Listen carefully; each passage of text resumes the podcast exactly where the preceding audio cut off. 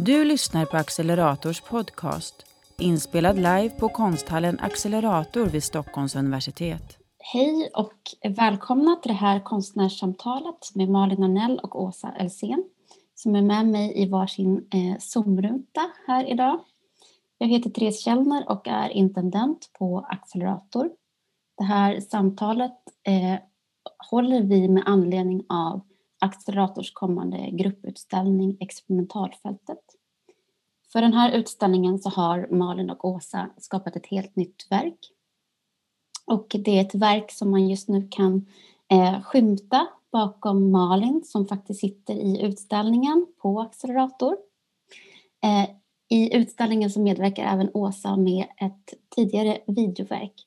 Det är de här verken som vi kommer att eh, fokusera på i det här samtalet idag men även eh, Åsa och Malins gemensamma arbete under senare år. Samt, samtalet kommer pågå i ungefär en timme och för er som följer det här samtalet live så finns det möjlighet att ställa frågor i kommentarsfältet i livestreamen på Facebook. Jag kommer kolla, kolla av där strax innan vi avslutar.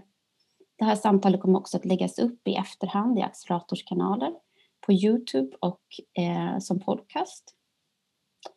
Um, utställningen Experimentalfältet är kurerad av mig och Accelerators konstnärliga ledare Rickard Julin och presenterar verk av åtta samtida konstnärer och mm. visar även historiska verk och dokument. Utställningen tar sin utgångspunkt i historien över den plats som vi befinner oss på, alltså som Accelerator och Stockholms universitet befinner sig på.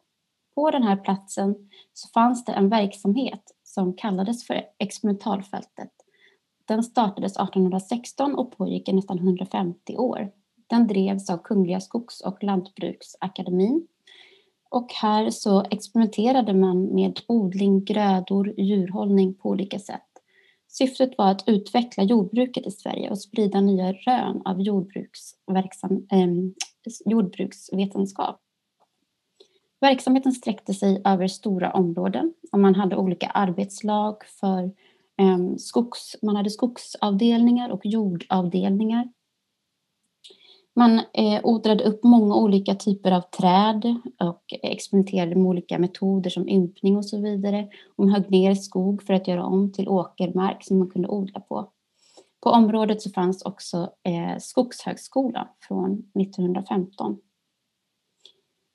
Några av de centrala tankegångarna i utställningen rör icke-hierarkiska relationer till andra arter, till det mer än mänskliga på jorden.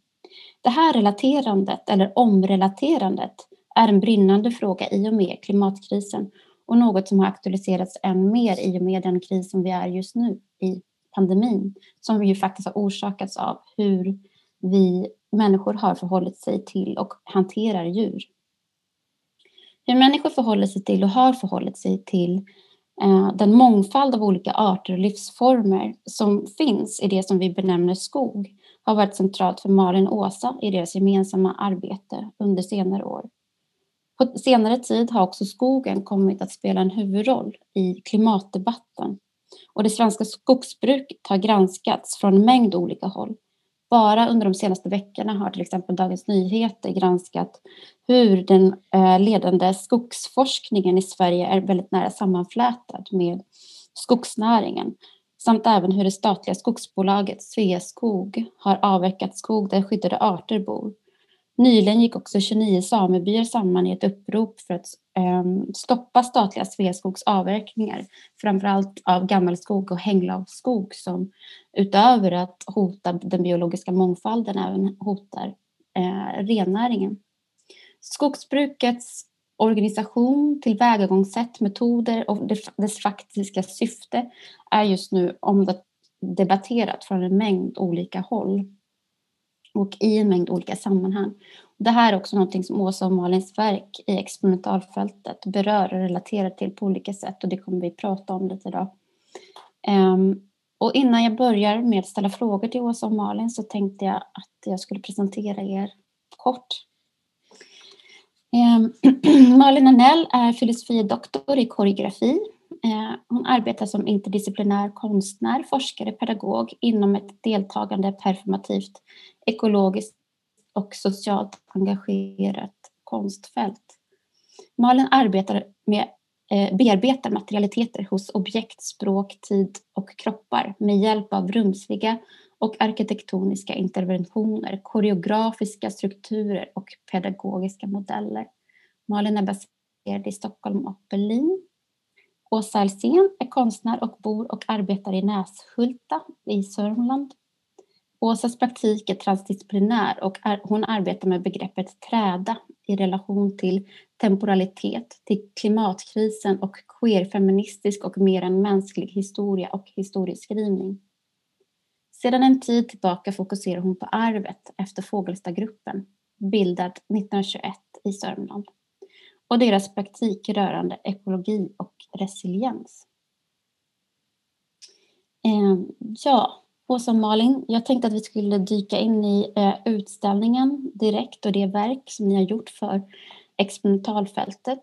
Den har ju titeln Skogen kallar ett oändligt kontaminerat samarbete eller dansandet är en form av skogskunskap, utsträckning nummer två.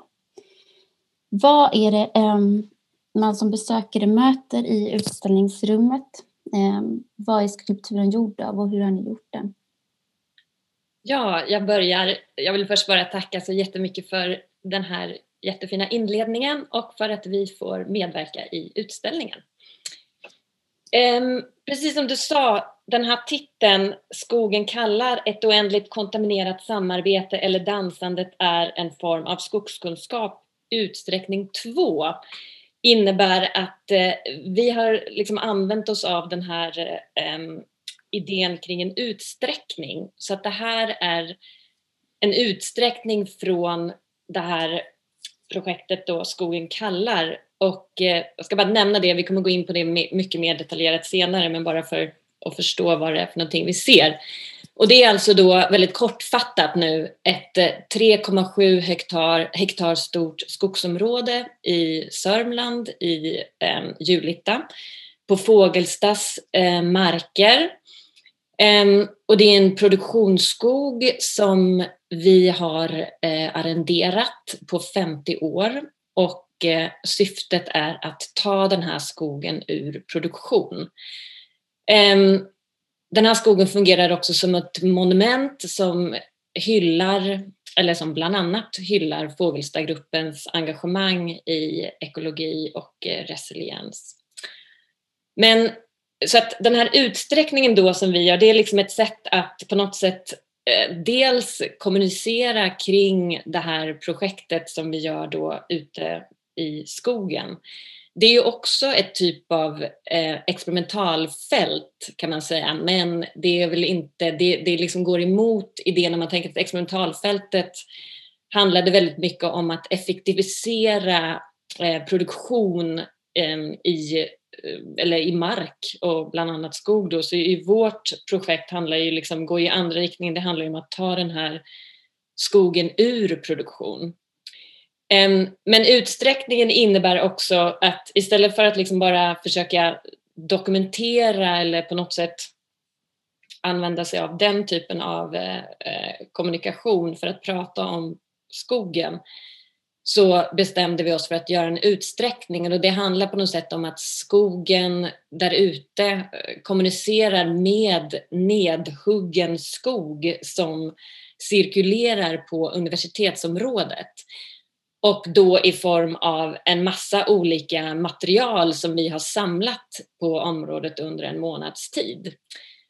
Och, och formen har den fått av eh, den här triangelformade 3,7 hektar stora, stora skogen.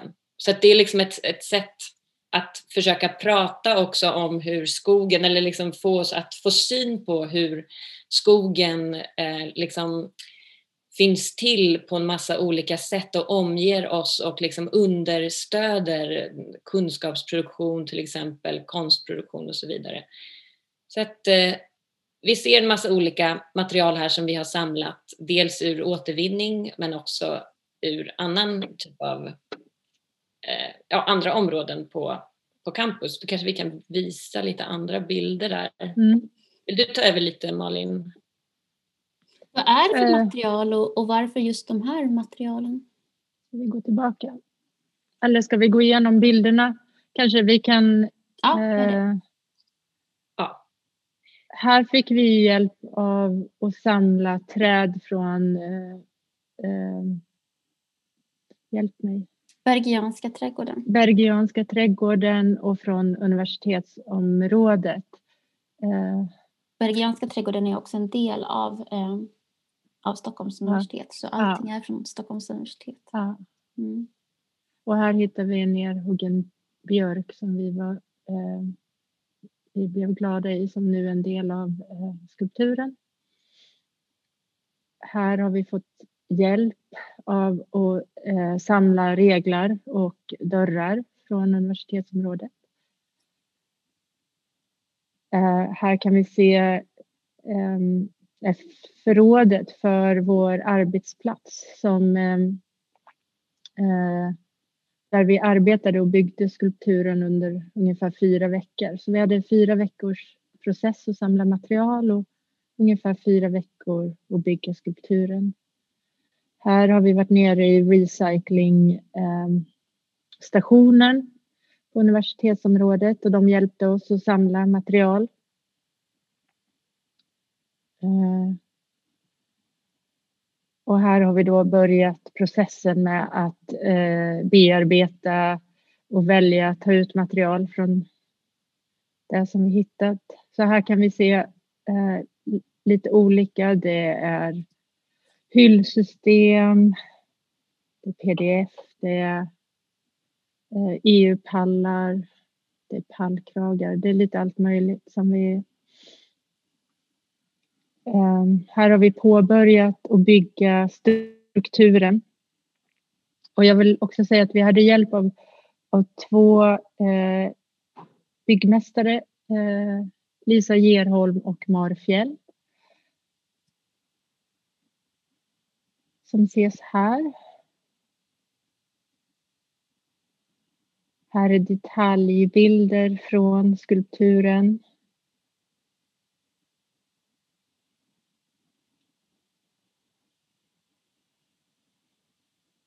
Vi kanske bara, bara säger underförstått där att allt det här materialet var ju, skulle ju slängas då. Så det var liksom virke som skulle slängas på universitetet. Mm. Det är helt gjort i trä. Det är olika former av processat trä. Mm. Och det här är ju, eh, det har ju varit fantastiskt roligt att se den här, det här verket eh, växa fram på plats och att ni faktiskt har gjort det i sin helhet. All, varje eh, lilla detalj, eh, allting är gjort eh, här på accelerator. Mm. Ehm, jag funderar lite på just den här, vad det betyder för verket, alltså eran, ehm, att allt material kommer från universitetet och eh, era närvaro på platsen eh, Eh, under liksom, eh, uppbyggandet av verket. Ehm, och på, på den här platsen som ju faktiskt också var experimentalfältet en gång i tiden. Mm. Alltså jag tänker att det, att det betyder jättemycket, lika mycket som det betyder att eh, för att göra um, det offentliga konstverket Skogen kallar kräver att vi placerar våra kroppar i, i, i skogsrummet Eh, så krävde den här skulpturen att vi placerade våra kroppar i relation till vad som var pågående här på universitetet. Med er som kuratorer, med platsen, med de som jobbar liksom att ta hand om, om återvinningsmaterial och, och skräpet. Och sen eh, också att, eh, att få bygga någonting eh, på platsen eh, påverkar såklart liksom närvaron och val av material för att eh, skulpturen är ju byggd improvisatoriskt. Det fanns liksom ingen skiss eller en ritning. Vi hade mått eh, av eh, en nerskalad eh, variant av den eh, skogstriangel då som det offentliga konstverket utgör. Och det var där vi startade. Vi tejpade upp eh, det, det måttet på golvet och började bygga därifrån. Eh, så det tänker jag att eh, det har stor del av hur, vilka små val vi gjorde i, under bygget. Mm. Precis, vi kunde ju också samla material under tiden, även om mycket samlades innan också, så kunde vi fortsätta den processen att hitta virke. Just det. Som du nämnde Åsa, alltså, det här är ju eh, allt, det är, liksom, det är förbrukad eh, skog som har varit i, i kunskapens tjänst kan man säga och att eh, som i, i kunskapande, kunskapsproduktion har varit i när, närkontakt med, eh, med kroppar som, som arbetar här på universitetet. Eh, och ni har ju också valt att, att man som besökare kan få eh, beröra det här eh, verket. Man kan få um, röra sig på verket. Malin, du kanske kan demonstrera? Vill ni att jag ska? ja. Eh, då gör jag så här. Mm. Så rör jag mig.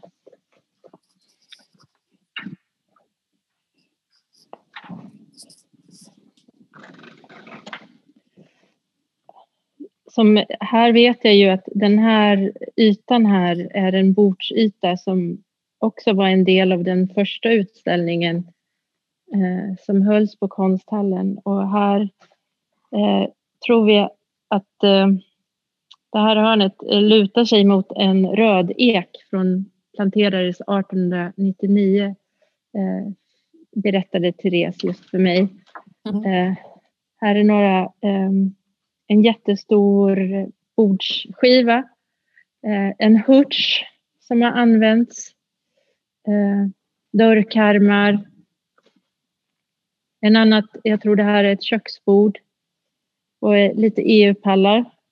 Och här är den här björken som vi av, av bara eh, tur när vi gick eh, till eh, eh recyclingstationen hittade vi att de hade just fällt en björk på området som vi tog. Och den har liksom tre, tre kroppar eh, och det tyckte vi eh, var intressant. Så. Det är möjligt att det är också möjligt att se och möta skulpturen. Jag vet inte om ni ser, men, men att möta skulpturen underifrån. Jag lägger mig ner här lite. Ja.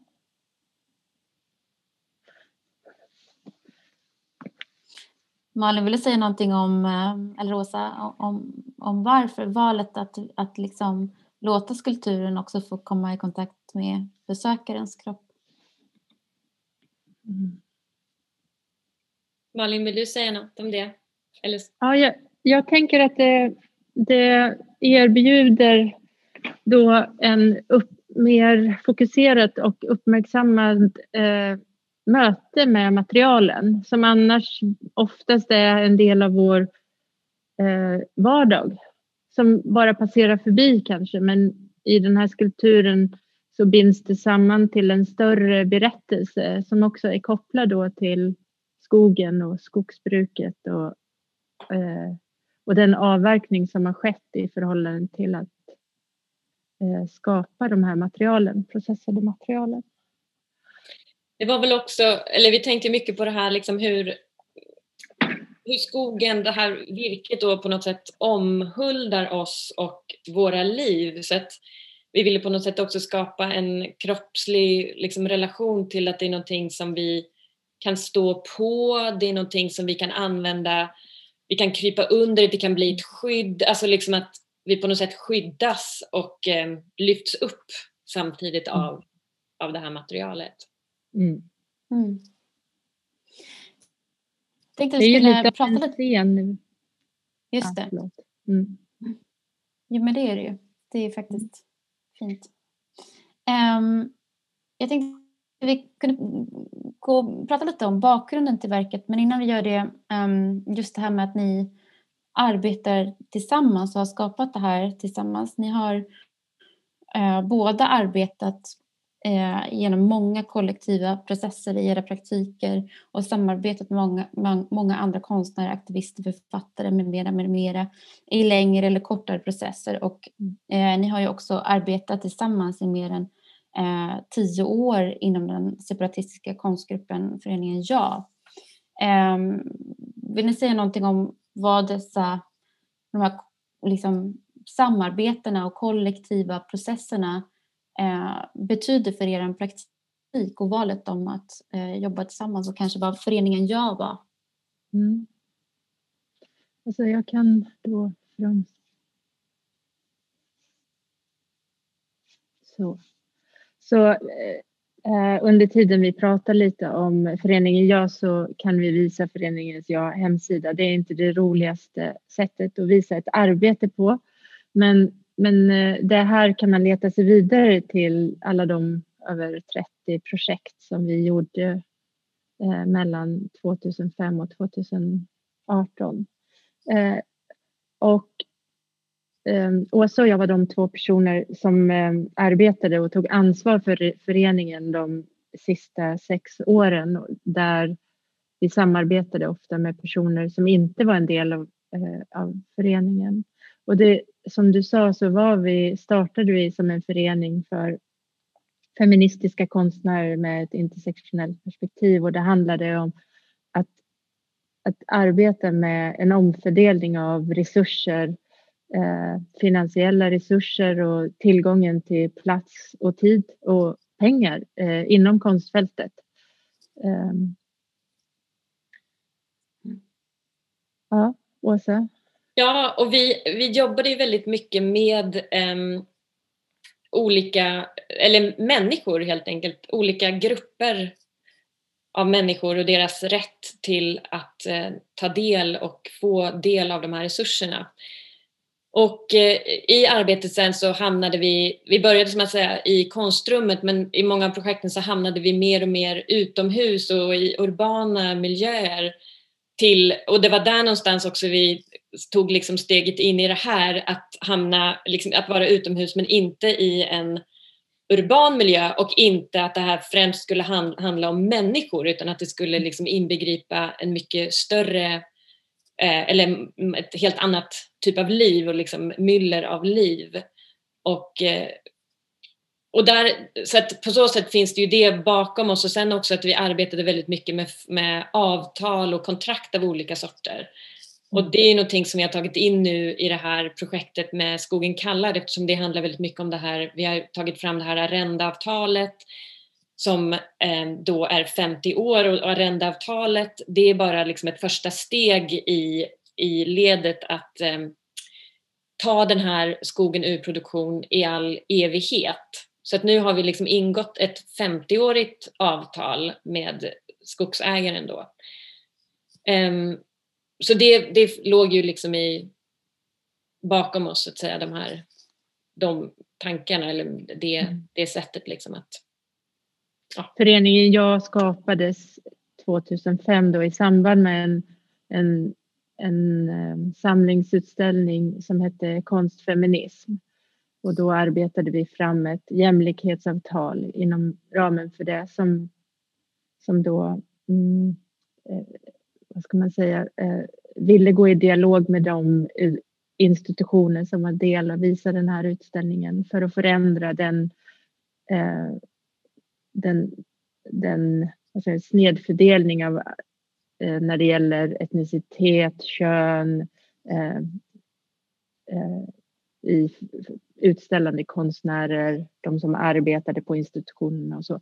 Så det handlade om en rättighetsdiskurs som då enbart handlar om människor i konstrummet och sedan dess har den här rättighetsdiskursen, eh, vårt intresse för den har liksom förändrats och fördjupats och förvridits på många, många sätt i mötet med andra människor och, och genom olika projekt har det öppnats upp och blivit eh, kanske rättigheter och ansvarsfrågor och frågor om agentskap och, och rättigheter, och naturens rättigheter.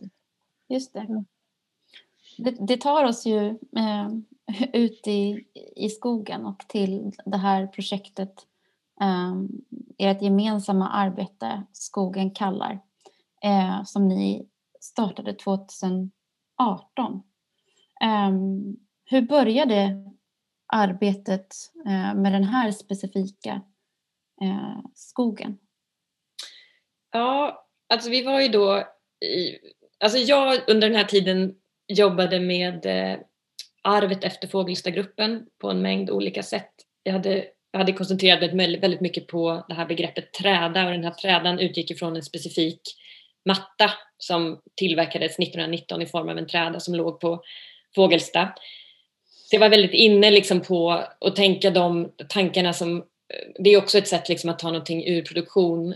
Och, eh, och Malin, du hade också jobbat, eller du jobbade med skogen på en massa olika sätt. Och, det kom, och så kom det en, den här utlysningen från Statens konstråd kom vid det här tillfället. Och sen och, och Malin, du skrev ett mejl till mig, titta på det här, låt träda, ska vi inte låta träda möta omsorg någonstans i det lokala periferi? Eller något sånt där. Så att det blev liksom som ett, det är ofta så liksom att det är flera olika komponenter som måste liksom falla på plats samtidigt för att, vissa, för att det ska bli liksom möjligt att genomföra ett sånt här typ av projekt. Um, Vad var det för ja. utlysning? Eh, lokala konstprojekt, kunskapsnav lokala konstprojekt. Så att, ja, så att idén konstråd. Mm. Ja, att tänka offentlig konst eller andra typer av lokala konstprojekt bortom liksom det urbana rummet då, ute i landet. Så det. Jag hade också en upplevelse när vi färdigställde ett verk eh, på Bard College eh, i Upstate New York eh, 2016 tror jag det var. Eh, där hade vi varit med på en utställning 2012 och Eh, där jobbade vi utifrån Hanna Arendt. Och vi åkte upp och monterade en plack, eh, ett minnesmärke för Hanna Arendt på eh, Eh, Hanna Arendt-huset på universitetsområdet. Och, och där jobbade vi väldigt mycket med ehm, begreppet space of appearance. Och jag tror att det också ledde oss in till skogen, eller det finns en koppling med tidigare arbeten eh, mm, eh, som, är, som är knutna till Hannah Arendts begrepp space of appearance på ett, på ett lite annorlunda sätt. Men där fanns också en öppning att vi sökte oss bort från, mm. eh, från det. Så ni, eh... Jag vill bara, bara tala om ändå tog upp Anna Arendt, det var ju också det som stod nu, om jag kommer ihåg citatet rätt på den här placken, ja. var ju “The ability to act is the most dangerous of all human abilities and possibilities”. Så mm. det ligger ju liksom i det här att, också jag tänker lite tillbaka på experimentalfältet, liksom att den här, att liksom att agera, att hela tiden agera, göra, eh, liksom hur, eh, hur farligt det också är. Så att liksom att tänka det här att, att dra sig tillbaka, det är ju det också vi gör där i den där skogstriangeln. Det handlar ju inte om att människor inte får vara där. För det är på något sätt liksom att tillskriva människor och mänsklig aktivitet en för stor vikt. Det handlar liksom om att dra sig tillbaka.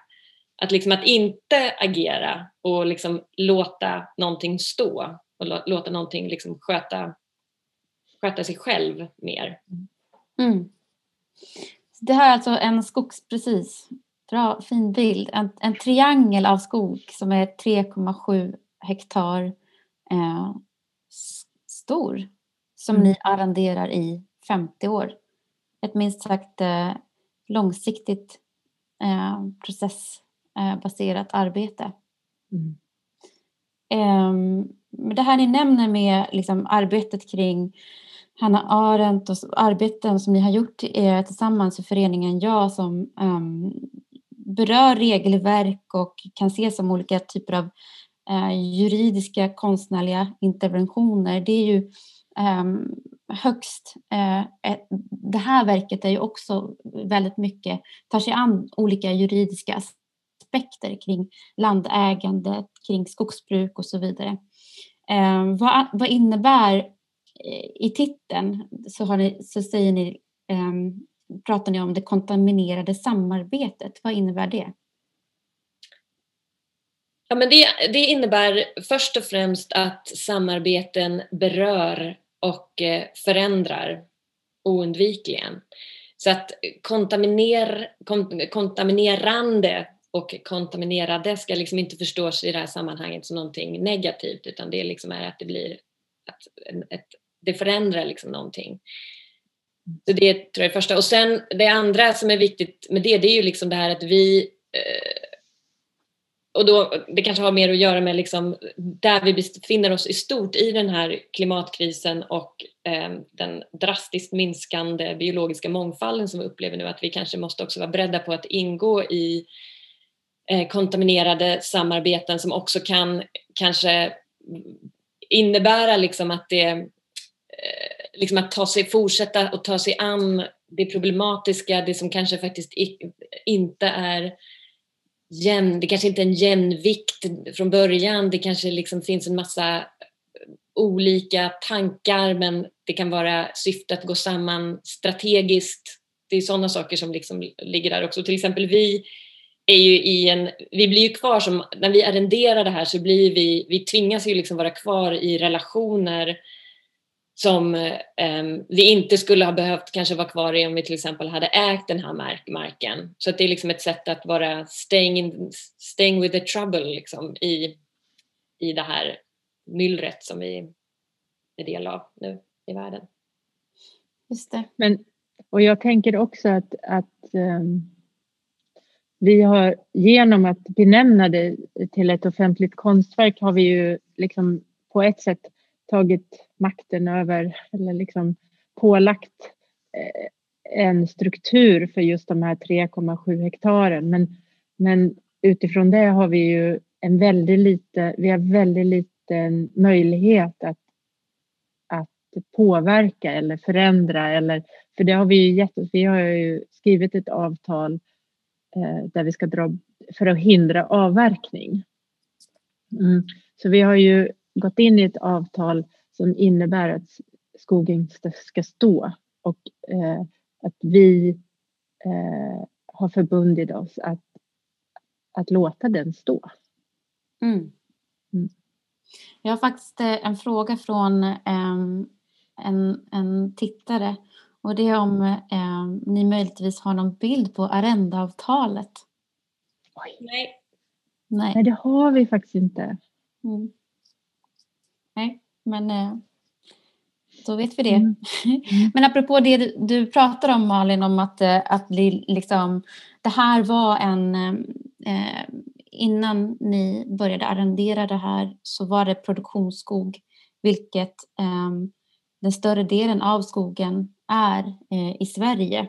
Mm. Eh, och som jag inledningsvis nämnde så är ju skogen verkligen en, en den spelar huvudroll just nu i klimatdebatten eh, och liksom, det bråkas väldigt mycket om från olika håll om hur, vad som är bäst att låta skogen eh, stå kvar eh, och liksom binda koldioxid och främja biologisk mångfald och så vidare och så vidare eller om, man ska, om skogen ska liksom spela nyckelrollen i omställning till hållbara material och biobränsle och så vidare och så vidare.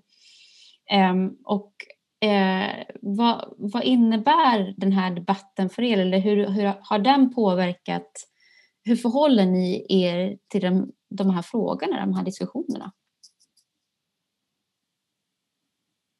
Jag tänker att det är viktigt att, att, att vi har gjort att, att vår röst inte bara vänder sig till eh, eh, den diskussionen om skogspolitik eller avverkning utan den, har, den är ju introducerad också i, i en diskussion om offentlig konst. Mm. Så bara för att eh, den, den rör sig på flera nivåer och vi har väldigt, väldigt mycket att lära i, i förhållande till eh, frågor gällande skog, eh, eh den globala diskussionen och den den lokala i Sverige som är väldigt eh, affektiv. eh, som har kommit fram under det senaste året. Och, eh, när vi började formulera oss kring projektet så, så var inte skogen liksom lika dagsaktuell som den är nu i, i, i de svenska medierna har det verkligen eh, eh aktualiserats och det är ju fantastiskt, tänker jag. Det behövs en, en, liksom, en bredare, mer djuplodad diskussion. Eh, och här, är, här har vi liksom, kan vi ta del av ett, på ett litet hörn och erbjuda också kanske en, en, en, platt, en annan plattform eh, som, som inte är involverad eh, eller knuten varken till eh, skogsbolagen eller till eh Eh, eh, naturskyddsaktivister eh, om man så skulle säga. Det finns ju en bred spektrum av aktivister eller människor som värnar för naturen. Och här tänker jag att vårt projekt kan vara som en plattform att tänka utifrån, att handla utifrån och vara i dialog med. Vad tänker du Åsa? Ja absolut. Jag tänker, jag menar, sen är det också jätteviktigt tycker jag att vi, vi pratar liksom om skogen och skog, skogsägare, men jag menar också skogsägarna ser väldigt, väldigt annorlunda ut. Det är väldigt stor skillnad till exempel på Sveaskog och eh, som är alltså ett stat, statligt bolag som äger väldigt, väldigt mycket skog och sen så har det också att göra med den här liksom levande landsbygden där det finns också väldigt många väldigt små skogsägare i Sverige. Och, eh, så det är också jätteviktigt att liksom särskilja dem. Vi har också till exempel kyrkan som äger väldigt mycket skog. Um, så att jag tänker att, och sen har vi förstås jättestora bolag också, liksom, så det finns väldigt många olika aktörer där också som har olika tankar.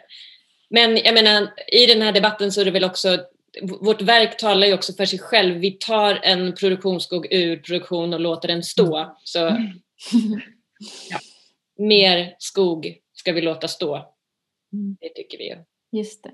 Men det här lite som Malin var inne på också, det finns också vi har ju pratat med väldigt många personer på, på båda de här sidorna då, om man vill liksom prata om polariseringen på det sättet. Och, och vi har hört mycket historier kring liksom att tidigare så handlade det mer om att man träffades ute i markerna och det fanns liksom mer en större debatt och den där debatten har liksom på något sätt flyttat väldigt mycket in till skrivborden. Mm. Så det, det, och vi tror väldigt mycket på det här Eh, att träna på ett ömsesidigt hållbart relaterande. Så vår förhoppning är också att, ska, att vi ska kunna få till samtal ute i skogen mellan olika personer med olika åsikter kring de här frågorna. För att kunna främja någon typ av eh, ja, samtal, komma vidare. Mm.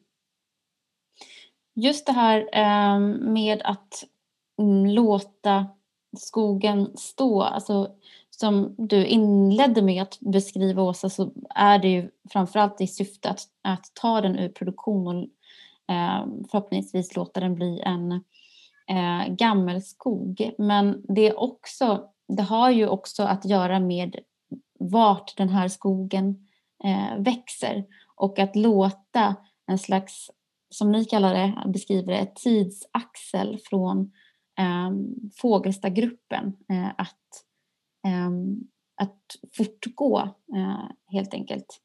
Ehm, vill ni säga någonting om, om just den här, den här tidsaxeln och eh, den här platsen? Vart, vart växer skogen? Och vad är det som fortgår?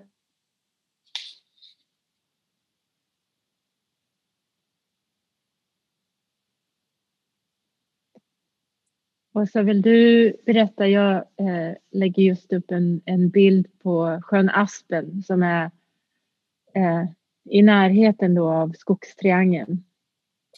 Ja, den här skogen den ägdes ju en gång i tiden av Elisabeth Tam som tillsammans med en grupp andra kvinnor startade eh, Fågelstagruppen 1921.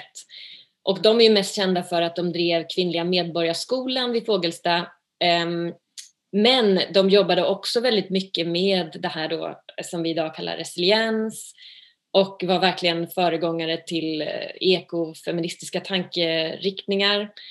Ehm, de skrev till exempel, Elisabeth Tam och Elin Wägner skrev en bok som heter Fred med jorden, vilken, och den är väldigt viktig i, i vårt arbete. Um, ja, så att för oss är det väldigt viktigt att den här eh, så att en del av skogen planterades under Elisabeth Tams tid men en del av skogen fanns redan där. Det finns ju den här äldre sumpskog, det finns skog i den här produktionsskogen av olika ålder och väldigt oftast är ju eh, produktion, alltså det som benämns produktionsskog kan ju också vara väldigt olikartad skog. Så, så för oss kändes det väldigt viktigt att på något sätt att det här också kunde bli liksom ett monument för att hylla Fågelstagruppens tankar och praktiker. Och, eh, och på något sätt liksom låta det finnas kvar. Det finns ju många som också, om man tänker sig vad offentlig konst kan vara, att det finns liksom en ganska vedertagen förståelse för att plantera ett minnesträd för någon till exempel. Men det här är ju då liksom en hel skog som planterades av de här personerna och då vill vi låta den stå som liksom ett eh, ja, omgörande, performativt eh, konstverk som är i ständig förändring och eh, ja, att den ska få stå kvar för evigt. Det är mycket att säga om Fågelstadgruppen men de, de var ju verkligen nydanande, de var ju väldigt kritiska till det de såg komma. De levde ju under både liksom ett äldre typ av skogs, eller jord och skogsbruk, när man, till exempel där de använde hästar i skogsbruket, vilket per bara hur det fungerar rent praktiskt, det är mycket, mycket långsammare. Hästar förstör inte marken, det, det, ja, de har liksom ett sätt att röra sig i skogen. Ehm, men de var också väldigt kritiska till det industriella jordbruket som de såg komma, större, artfattigare jordbruk, ehm, konstgödsel, eh, kemiska bekämpningsmedel och så vidare och så vidare. Så att det här hände där ute i, i ja, det här skedde på landsbygden i Sörmland och det känns som att det är jätteviktigt att det ska få mer uppmärksamhet. Just det. De var ju verkligen före sin tid kan man säga där. Att den liksom, ja. Och i, i um, um, Fred med jorden där talade om liksom, uh, saker som tålamod och uh, att uh, arbeta emot um, ideal som mekanisering och, och fart och så vidare. Och det här var ju, visst, hjälp mig, men Medborgarskolan var det 22 till 55 som den var aktiv? 50 54. Ja. Mm. Um, det, det är samtida med experimentalfältet och um, uh, liksom slutet av experimentalfältets tid och verkligen den tid då industriella jordbruket uh, verkligen fick, fick fart. När de, um, så det, ja, det, det, de spelar Men jag, där, ja, där tänker jag också att uh den kvinnliga medborgarskolan eh, verkade ju för och tränade på att göra eh, eh, kvinnors eh, förmåga att tala offentligt till exempel efter att kvinnor fick rösträtt. Mm. Eh, eh, för första gången implementerad 21 så var det en skola som byggde på en pedagogik för, för att just kunna kliva ut, för att kunna ta plats, för att kunna använda sina nyvunna rättigheter. Och, och på så sätt finns det både liksom en koppling också till skogen här, alltså, um, som, som finns i projektet, i den här rättighetsdiskursen, i att låta ta plats, att, att, att, att vara, att befinna sig i världen. Så jag tänker att eh, på så sätt eh, har liksom skolans pedagogik liksom, eh, en, en skuggtillvaro i, i skogen kallar. Just det, fint. Det har jag inte tänkt på. Mm. eh, Åsa, du har ju arbetat länge med, med arvet efter eh, Fågelstagruppen och särskilt deras arbete med, med jordfrågan som du talar om. Um, och i utställningen så visar du också filmen eh, med titeln Var, Varför gör man saker då man kunde låta bli? Ett försök, ett Gränsland, en film som du gjorde 2019 eh, som ju skildrar Elisabeth Tams arbete för så kallade eh, åborätter. Eh, vill du berätta lite om liksom, ditt, ditt långa eh, arbete med Fågelstagruppen och eh, Elisabeth Tams eh, arbete för så kallade åborätter? Vad var det för något? Ja, jag bor ju här i närheten så det här är ju lokalhistoria Ja. i högsta grad. Ehm, ja, jo, men jag har jobbat med det här på en massa, eller på olika sätt ska jag väl säga, men det som jag verkligen, när det riktigt tände till, det var ju då i och med den här trädan, den här stora trädamattan. Och trädan är ju på något sätt också någonting som verkligen eh, liksom handlar om, om jordfrågan och det här citatet som du var lite inne på förut eh, om tålamod. De skriver i Fred med jorden mot dagens ideal, mekanisering, specialisering och fart ställer vi medvetet upp de ideal som vi tror blir morgondagens. Självverksamhet, mångsidighet och tålamod. Och ja, så det finns väldigt mycket att arbeta med och det finns väldigt mycket material som liksom också ligger i en sorts träda här ute faktiskt. Um, så jag jobbar med det. Men nu ska jag inte gå in så mycket på det utan prata mer specifikt om det här, det här videoverket då i utställningen. Titeln um, Varför gör man saker då man kunde låta bli är ett citat ur ett brev som Elisabeth Ham skrev till Kerstin Hesselgren som också var del av eh, Fågelstagruppen och involverad i det här arbetet med Åbo-lotterna. Och vad var då det? Jo, Åborätt är en besittningsrätt av mark som finns eh, sedan länge. Den, det handlar liksom om att eh, det, det ligger liksom mellan äganderätten och arrenderätten. Men 1926 så gjordes den här om lite grann och eh, Elisabeth Tam bestämde sig för att skänka bort mark till staten för att den skulle upplåtas som åborätter. Hon eh, ansåg ju, liksom alla i Fogelstadgruppen att jorden ska eh, liksom skötas och vårdas. Och att det är kärlek till jorden som ska vara det drivande. Och hon var orolig för hur de formerna till eh, brukande av jord under den här tiden bidrog till eh, att jorden utarmades. Till exempel äganderätten kunde medföra spekulation i jord och eh, arrenderätten gjorde att jorden blev utsugen för att arrendena var så höga. Så då, eh, Åborätten är alltså en, en nu ska vi se, jag måste nästan läsa till här. En ärftlig och överlåtbar rätt till nyttjande av jord, vanligen tillhörande staten, mot årlig avgäld på obegränsad tid. Och det här, den här årliga avgälden då var också väldigt låg. Så här ser vi en karta på hur några av de här Åbolotterna delades upp och eh, hela den här, den här videon då som är 28 minuter, den handlar liksom om hennes arbete med att få till det här tredje eh, alternativet.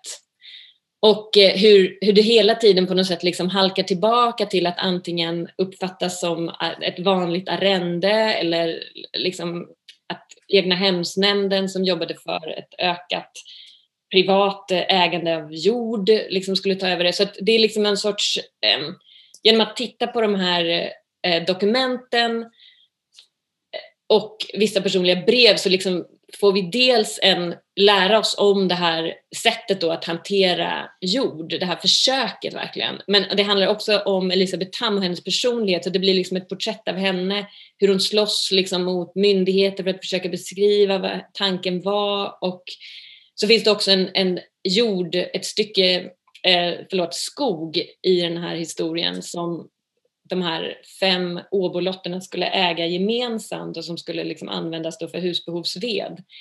Men den här skogen, det var några, en eller två av de här Åbo eh, rättsinnehavarna som liksom såg till att de fick skogen och den höggs ner och i de här breven också så kommer det hela tiden upp små eh, liksom avsnitt kring hur eh, förkrossad hon var över att den här skogen höggs ner.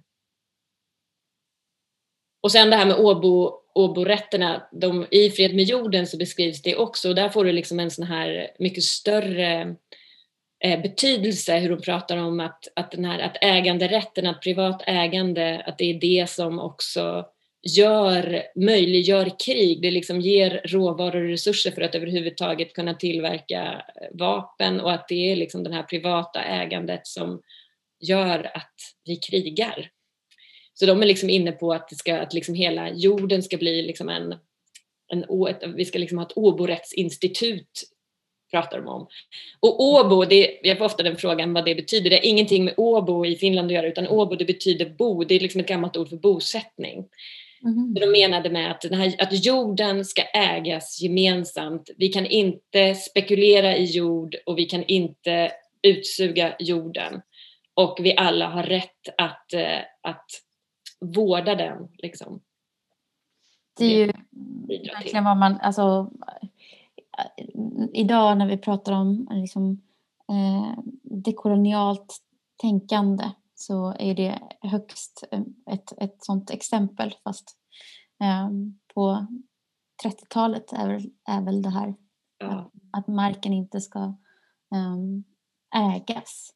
Och alltså, jag tycker det är fint också hur ni på flera sätt eh, ju eh, går i eh, hennes fotspår här med att liksom um, ja, men, ta er an olika regelverk och uh, men, i, stort väldigt mycket liksom försöka ändra juridisk status på saker. Alltså både i, alltså för skogen, att göra den här skogen från en produktionsskog till, en, um, eh, till ett offentligt konstverk men som ni också beskrev i liksom verket med, som ni gjorde kring Hanna Arendt. Där också handlar det väldigt mycket om att ändra juridisk status på en plats. Att det, är, det, är en, det är lite liknande metod faktiskt som Elisabeth Hamm att liksom ger i kast med att ändra någontings juridiska status. Um, och, uh, och att inte äga. Ni arrenderar ju nu. Uh, Så det är som du säger, det, det Elisabeth Hamm hade hon hade ett tredje alternativ till ägande och um, arrende. Mm. Ni har beskrivit, eh, eh, ni har också talat om den här liksom, tids... Eller att ni gör ett slags ehm, eh, vad heter det, klipp eller katt. Liksom. Alltså, jag tänker på det här med temporalitet och tidsaxeln. Att, det, att ni låter den här eh, skogen stå gör att ni låter liksom andra typer av tids rymder få ta rum, eller hur? Ja, eller det är det vi hoppas tänker jag, men det är också eh, ett sätt att, för oss att umgås eh, med liksom, den här skogen, men också med allt vad det innebär. Alla tankar, alla känslor som människor har som vi kan möta, som det här projektet möjliggör. Liksom. Så det, mm, och jag tror att vi båda, även om vi har jobbat ihop i 13 år så, så, så har vi nu då eh, bundit oss vid att ta ansvar och eh, relatera till den här skogen i 50 år till. Så jag tror vi båda saknade om eh, liksom ett, ett, längre perspektiv som inte, som inte krävde eh, våran medverkan men som ändå som vi är en del av. Alltså det, kräv, det krävs vår närvaro eller frånvaro eh, för att det ska pågå men vi är bara en del i en, i en större cykler. Och, och det har, cykler är tid och gör tid. Eh, så jag tror det är liksom både ett viktigt, ställningstagande, viktigt ställningstagande både i livet och för konsten. Liksom. Eh, eh, som vi försökte hitta fram till när vi formulerade det här projektet. Mm. Från liksom de korta, vet att söka korta projekt så här eh, och få dem accepterade. Och det här är, vi försökte verkligen ta ansvar för vår längtan till att relatera till de här frågorna långsiktigt. Mm. Beyond oss, både framåt och bakåt. Eh, tänker jag. Jag vill nästan läsa upp, jag tycker det är så fint eh, eh, jag har skrivit ner hur ni har beskrivit det, att den här skogen blir en slags motstånd mot den västerländska teologiska tidsuppfattningen och att genom att låta liksom den här tidsaxeln från gruppen Fågelstagruppen att fortgå så bryts den antropocentriskt förutbestämda vinstdrivande temporalitet som skogen eh, ingår idag. Jag flikar in den fina mm. formuleringen. Men eh, den här skogen, eh, den, är ju, den, den står där och det händer en massa saker där eh, eh hela tiden i eh, våran frånvaro. Um, och, eh, eh, men jag vill även nämna att eh, som en del av den här utställningen så har vi en viktig dag som kommer framöver. Eh, en programdag där vi eh, tillsammans planerar att göra en att bjuda in eh, publik, eh, alla som vill, ehm, att, eller som får plats, eh, att komma med på en bussresa till eh, skogen. Eh, just nu så har vi satt ett preliminärt datum den 9 eh, september men det är högst. Ehm, det, det, är fortfarande ett preliminärt datum och, och mer information kommer komma ehm, framöver. Men mm. ehm, jag bara vill betona igen att det här som du, eller som ni båda har varit inne på, att det här skogen är som ett eget slags experimentalfält eller att ni vill att det ska vara en plats för samtal eller för lyssnande eller för eh, relaterande. Um, det, det kommer ju också att, att ske, eller hur? Mm.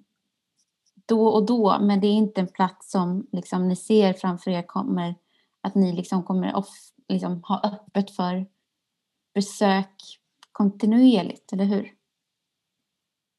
Nej, men, det, men eh, jag tänker nu eh, delar jag en bild på en resa eller ett liknande event som vi gjorde i höstas eh, mm. i, tillsammans med Statens konstråd där, och där vi eh, Eh, delade ett score activation of Skogen kallar eh, under en timme med den publik som också hade varit på Sörmlands museum tidigare och sett Rosas utställning där.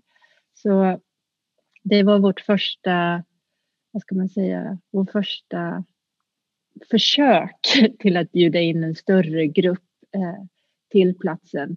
Innan det har vi bara gjort vandringar med olika människor eh, för att diskutera eh, skogen. Men det här var då en bussresa under en dag. Så jag, eh,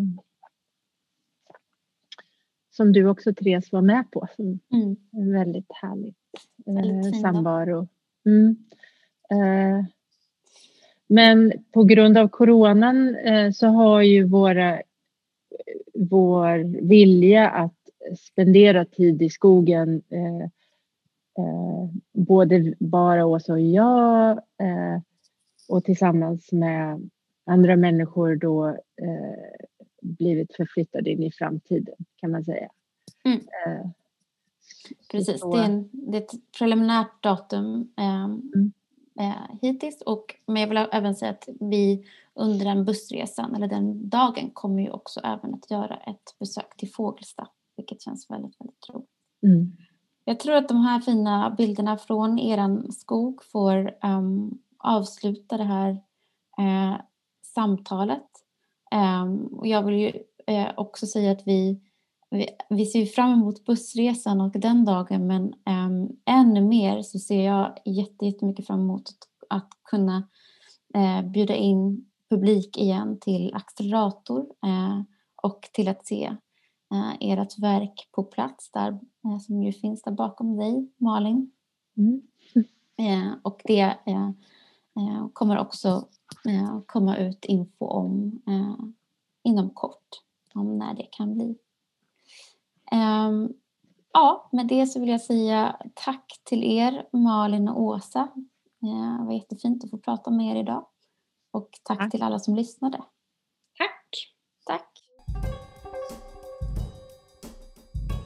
Du har lyssnat på en podcast från Accelerator inspelad live på konsthallen Accelerator vid Stockholms universitet.